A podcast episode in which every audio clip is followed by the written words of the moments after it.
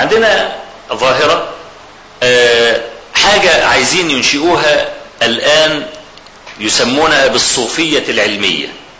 الصوفية في كثير من بلاد المسلمين انهزمت هزيمة منكرة أمام هذا التيار الجارف من الشباب المتسنن المتعلم. درس أصول فقه ودرس أصول حديث والكلام ده على الأقل متنورين حتى لو هم مش متخصصين. متنورين اصبحوا فاهمين الصوفية كانت طول عمرها فتة ورقص وطبل وزمر وموالد والكلام ده. طلع جماعة الآن نبغوا وقال لك لا لن يوقف هذا المد السلفي المبارك إلا أن نجادلهم بأصولهم اللي هم اتعلموه. ندرس أصول حديث زيهم وندرس أصول فقه مثلهم تماما وندرس الاصول العربية ونتمتن ونبقى أفضل منهم كمان. والصوفية لا يستطيعون الحياة بدون الأحاديث الضعيفة والموضوعة. ما يقدرش يعيش إلا ما يكون في حديث ضعيفة موضوعه ولذلك تجد أغلب المتأخرين متساهلين في التصحيح والتضعيف. كان كثير منهم ينتمي إلى الصوفية. والحديث ده جميل وحلو وأنا عايزه. لأنه هي هي هيفك لي إشكال. فيبتدي يدوحر بقى. يبقى الراوي مثلا حتى وصل للأمر بالسيوطي مثلا رحمه الله. إن ابن الجوزي يذكر حديثا في الموضوعات ويقول فلان الفلاني متروك الحديث. يوم السيوطي يقول إيه روى له ابن ماجه. طب ويعني روى له ابن ماجه؟ هو ابن ماجه يعني سالم من الأحاديث الموضوعة ده فيه أكثر من 40 50 حديثا مكذوبا أو باطلا. وعشرات المئات أو المئات التي قد تصل إلى نحو ألف وخمسمية تدخل على ألفين. حديث ضايع ها فابن ماجه يعني لم يكن له شرط عشان تقول لي روى له ابن ماجه كأنك بتقول لي روى له البخاري يعني. حتى لو روى له البخاري. الراوي المتكلم فيه اللي العلماء اتكلموا فيه. إذا روى له البخاري ليس معناه إن كل رواياته خارج البخاري آخذ بها. إنما انتقى البخاري من رواياته ما لم يغلط فيه. يبقى أنا ما أقدرش الراوي المتكلم فيه. جوه البخاري أسوي بين روايته بداخل البخاري وروايته خارج البخاري. لأن البخاري هذا إمام خريج ماهر فاهم فيعرف إن الراوي غلط في ده ويعرف أنه لم يخطئ في هذا. الذي تبين له كإمام كبير أنه لم يخطئ فيه ياخده يحطه في الإيه؟ في الصحيح. زي ما بنقول كصاحب أي مهنة.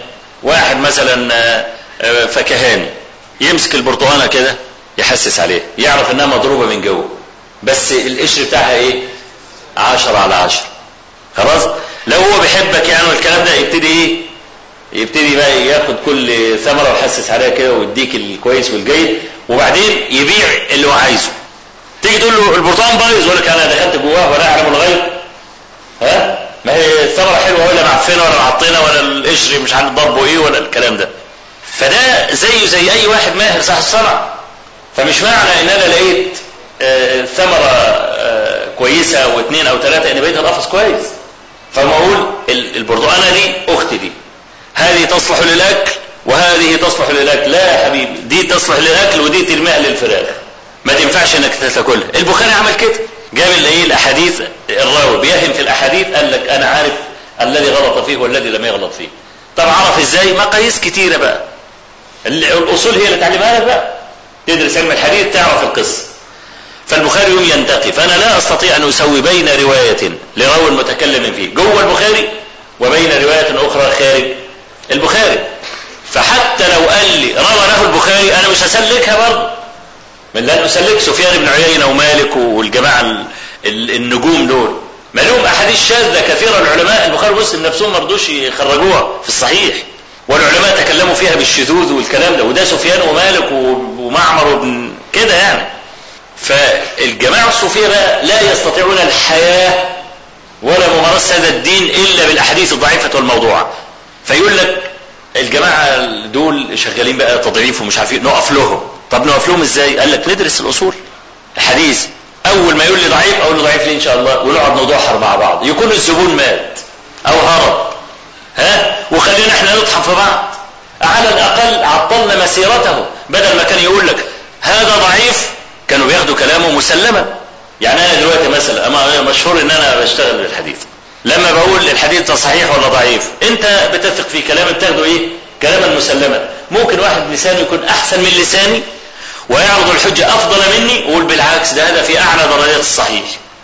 بقى أنا منزله في القعر وأنت حطيته لي على القمة.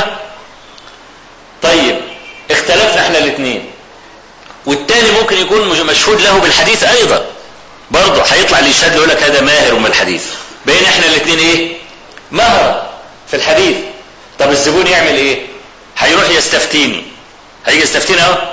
يقول لي والله إذا اختلف عالمان في تصحيح في تصحيح حديث أو تضعيف ماذا أفعل؟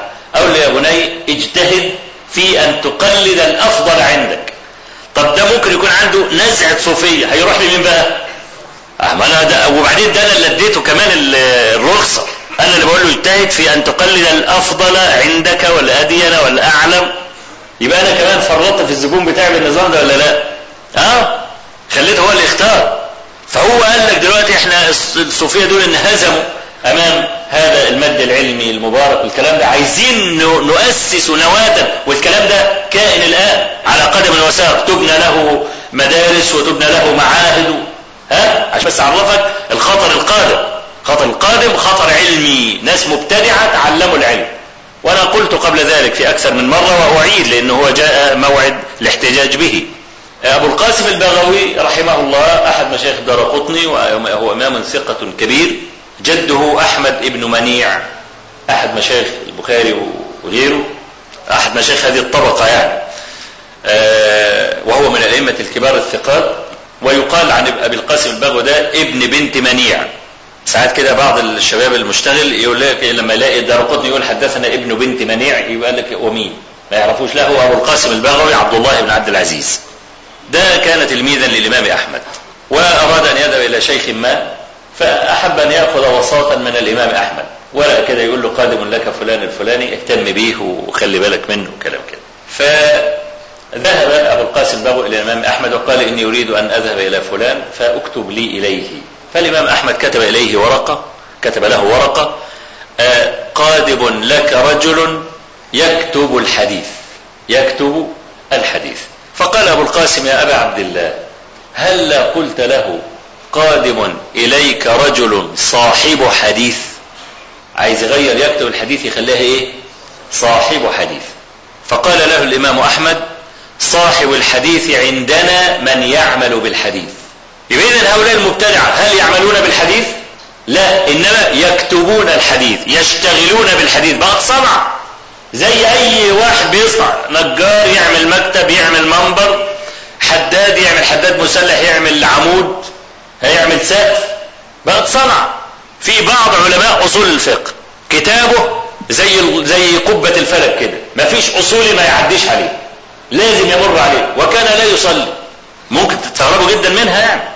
كان لا يصلي والذهبي ترجم له في الميزان وعرفوا إزاي أنه لا يصلي. قيل أنه لا يصلي حبوا يختبروا بيصلي ولا لا. خلوه نايم وجايبين حبر وايه ودهنين رجله من تحت بطن رجله. وجم بعد ثلاث أيام لقوا الحبر كما هو. طب ده لو بيغسل رجله على الأقل يعني هيغسل رجله في الوضوء. من بعد ثلاث أيام شوف كم فرض وكم سنة وكم قيام ليل وكم مش عارف الكلام ده. ده رجله هتبقى زي الملاك ها؟ بطن رجله هيبقى إيه؟ أبيض وزي الفل. لا لو زي ما هو. قال لك كان لا يصلي ومش عارف الكلام وفي واحد من كان من أعلى الناس إسنادا. والدنيا كلها بتتهافت عليه تهافت الفراش على النار وكان لا يصلي. فأنا عايز أقول لك ده آه اشتغل بتحصيل الأجزاء الحديثية والأسانيد العالية ولم يتدين بالحديث. فأهل البدع لا يتدينون بالحديث. لو تدينوا به لأقامهم الله عز وجل على قدم السنة. وأنهم ينافحون عنها لكن الإشكال أنه خد صنعه وبيوقف مسيرتك. يبقى القصة القادمة اللي هتحصل في مصر على الأقل يعني في في في في في منظوري وفي المعلومات اللي عندي والكلام ده إن في صوفية علمية ستكون في مصر تقف ضد القصة دي. فمهما حفظت من كتب الفروع لا تستطيع ابدا أن تثبت فرعا إلا إذا كنت عالما على أي أصل أصلت. يبقى لابد من دراسة إيه؟ الأصول دراسة جادة وواعية ما تلعبش. مفيش حاجة اسمها تروح تاخد درس عند شيخ ويبقى اسمك خدت الدرس وتروح تنام. ده الشيخ إنما يفتح لك الباب. مفيش شيخ يخلي طالب علم عالما ابدا. المعلومات اللي بياخدها من الشيخ لا تجعله عالما. حتى يبذل حشاشة نفسه في مراجعة ما يقوله العالم. لأن العالم بيدي عناوين. لكنه بيختصر لك العمر. بدل ما القضية دي تبذل فيها مثلا آه، عدة أشهر لك في ربع ساعة. يعرفك المغاليق يقول لك امشي بالسكة دي وبلاش دي دي معقدة ما تمشيش فيها لكن امشي في هذا الطريق. تمشي في هذا الطريق تلاقي الدنيا اتفتحت لك. لو انت اجتهدت بنفسك ممكن تلاقي نفسك الدنيا خلاص ما انتش عارف لا تتقدم ولا تتأخر والكلام ده. فالشيخ ضروري جدا بالنسبة للطالب.